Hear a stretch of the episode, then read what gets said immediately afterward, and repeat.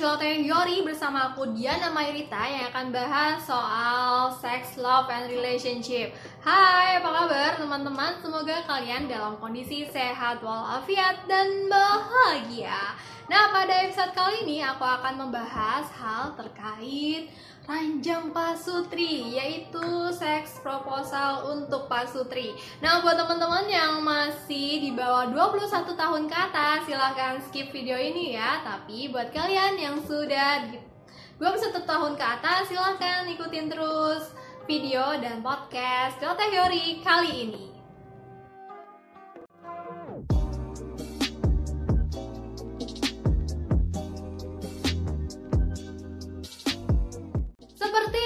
Udah tahu nih guys bahwa proposal itu adalah suatu dokumen yang berisi tentang penawaran yang bisa diberikan pada suatu perusahaan atau suatu lembaga. Tapi fungsi dari proposal itu juga nggak cuman untuk hal-hal yang resmi, tapi juga bisa terkait dengan relasi pasutri, yaitu proposal seks.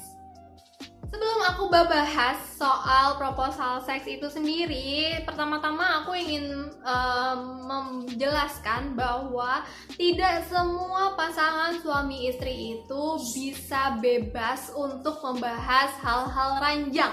Jadi kembali lagi bahwa uh, setiap orang baik itu laki-laki mau perempuan itu kan punya value yang berbeda nih terkait seksual. Nah, jadi walaupun udah suami istri tetap untuk membicarakan hal-hal seksual itu tuh susah banget. Gak tahu gimana dan mungkin juga nggak tahu caranya gimana dan harus mulai dari mana. Nah, it, itulah mengapa tidak semua mereka yang sudah uh, dalam ikatan rumah tangga itu bisa memiliki kepuasan seksual. Karena apa? Untuk membicarain aja itu susah banget apalagi untuk ngelakuinnya. Jadi antara suami dan istri itu tuh saling diem-dieman dan saling nunggu-nungguan nih. Aduh gimana ya? Pengen ngomong nih nanti takut dianggap A kalau pengen ngomongnya takut dianggap B gitu. Padahal hubungan ranjang suami istri itu nggak sekedar aktivitas seksual aja kan. Di situ ada kaitannya dengan fantasi kemudian juga ada ritme-ritme aktivitas seksual kemudian setiap orang baik itu laki-laki atau perempuan juga punya keinginan-keinginan di diperlakukan seperti apa oleh pasangannya. Jadi tuh banyak hal yang mesti dibicarakan dalam hubungan seksual pasutri. Nah, dengan adanya proposal seks ini, sebenarnya ini adalah media yang membantu teman-teman yang mungkin masih susah untuk membicarakan hal terkait hubungan intim dengan pasangan itu bisa dituliskan atau bisa diterjemahkan dalam proposal.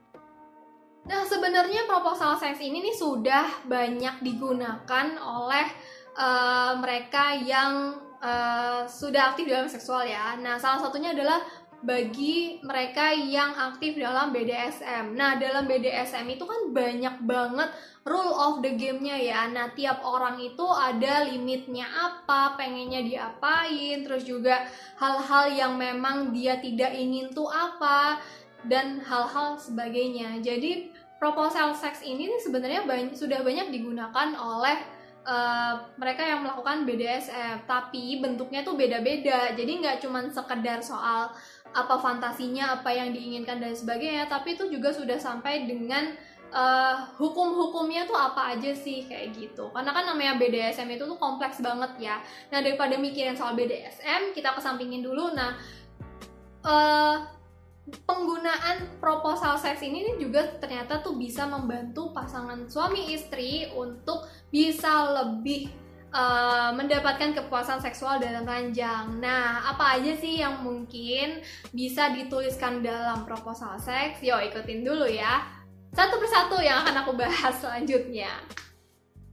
Nah, misalnya nih antara suami istri punya fantasi seksual yang berbeda. Nah, jadi dalam proposal seks itu bisa tuh diceritain dari sisi istri dan dari sisi suami itu ceritakan apa fantasi seksualnya. Jadi fantasi seks itu tidak hanya sekedar isi atau konten fantasi seksualnya aja ya, tapi kok bisa sih muncul fantasi seksual gini-gini itu tuh dasarnya tuh dari mana kayak gitu. Karena fantasi seksual itu kan adalah sesuatu yang dipelajari dan tidak muncul dengan sendirinya. Nah, dengan hal-hal detail seperti itu, jadi antara suami dan istri itu jadi paham kok bisa ya uh, suami aku tuh punya fantasi seksual yang seperti ini kayak gitu. Nah dari hal-hal detail itu bisa jadi oh kalau misalnya fantasi fantasi seksualnya sudah tanda kutip membahayakan, nah itu bisa jadi pertanda bahwa oh butuh ada sesi konsultasi dengan profesional atau memang kalau misalnya nih ada fantasi-fantasi seksual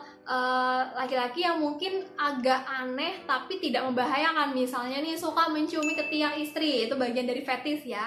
Nah itu gimana caranya istri tuh biar nggak menolak dan lain sebagainya. Nah di situ tuh bisa dijelaskan. Jadi kadang Misalnya ada istri yang menolak ketika suaminya mencumi ketiak, bisa sampai uh, terangsang dan lain sebagainya. Kadang kan istri kan karena ngerasa aneh, aduh ini nih suamiku tuh jangan-jangan gangguan ya, kok gini ya, kok gitu ya. Daripada banyak bertanya-tanya, lebih baik ditulisin aja di proposal seks itu. Jadi sebenarnya proposal seks itu adalah sebuah media ya yang menjadi jembatan. Tapi ketika misalnya komunikasi seksual antara suami istri sudah jalan dengan bagus tanpa ada proposal sendiri pun juga bisa dilakukan.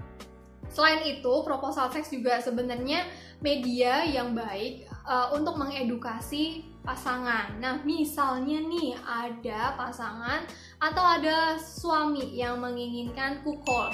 Nah, kukol itu tuh apa sih? Nah, jadi istri tuh tahu sebenarnya kukol itu apa, kemudian juga resikonya tuh apa, kenapa bisa muncul ada fantasi kukol kayak gitu. Nah, ketika misalnya istri merasa nggak nyaman untuk kukol dan merasa memang kayaknya nggak bisa deh melakukan kukol kayak gitu. Nah, di situ ada titik temu nih antara memang ada kesepakatan tertentu atau memang oke okay, kayaknya dari sisi cowoknya kayaknya kukul memang tidak bisa dilakukan deh kayak gitu. Dan tentu aja bisa dikurangi nih apa sih penguat dari fantasi kukul itu kayak gitu.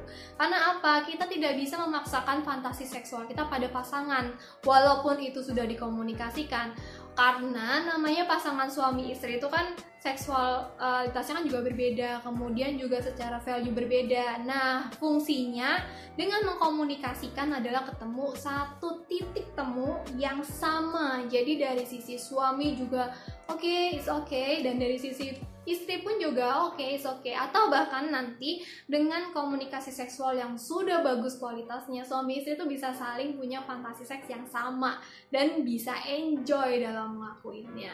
Nah, buat teman-teman yang udah menikah, kira-kira berminat untuk mencoba menggunakan proposal seks ini. Nah silahkan komen di bawah ini ya. Nah buat teman-teman yang misalnya ada pertanyaan atau ada hal-hal yang pengen aku bahas silahkan tulis di komen atau email di celotehyori@gmail.com atau melalui Instagram di @celotehyori at celoteh.yori Oke, terima kasih teman-teman yang udah menonton dan mendengarkan konten ini sampai selesai. Semoga bermanfaat. See you, bye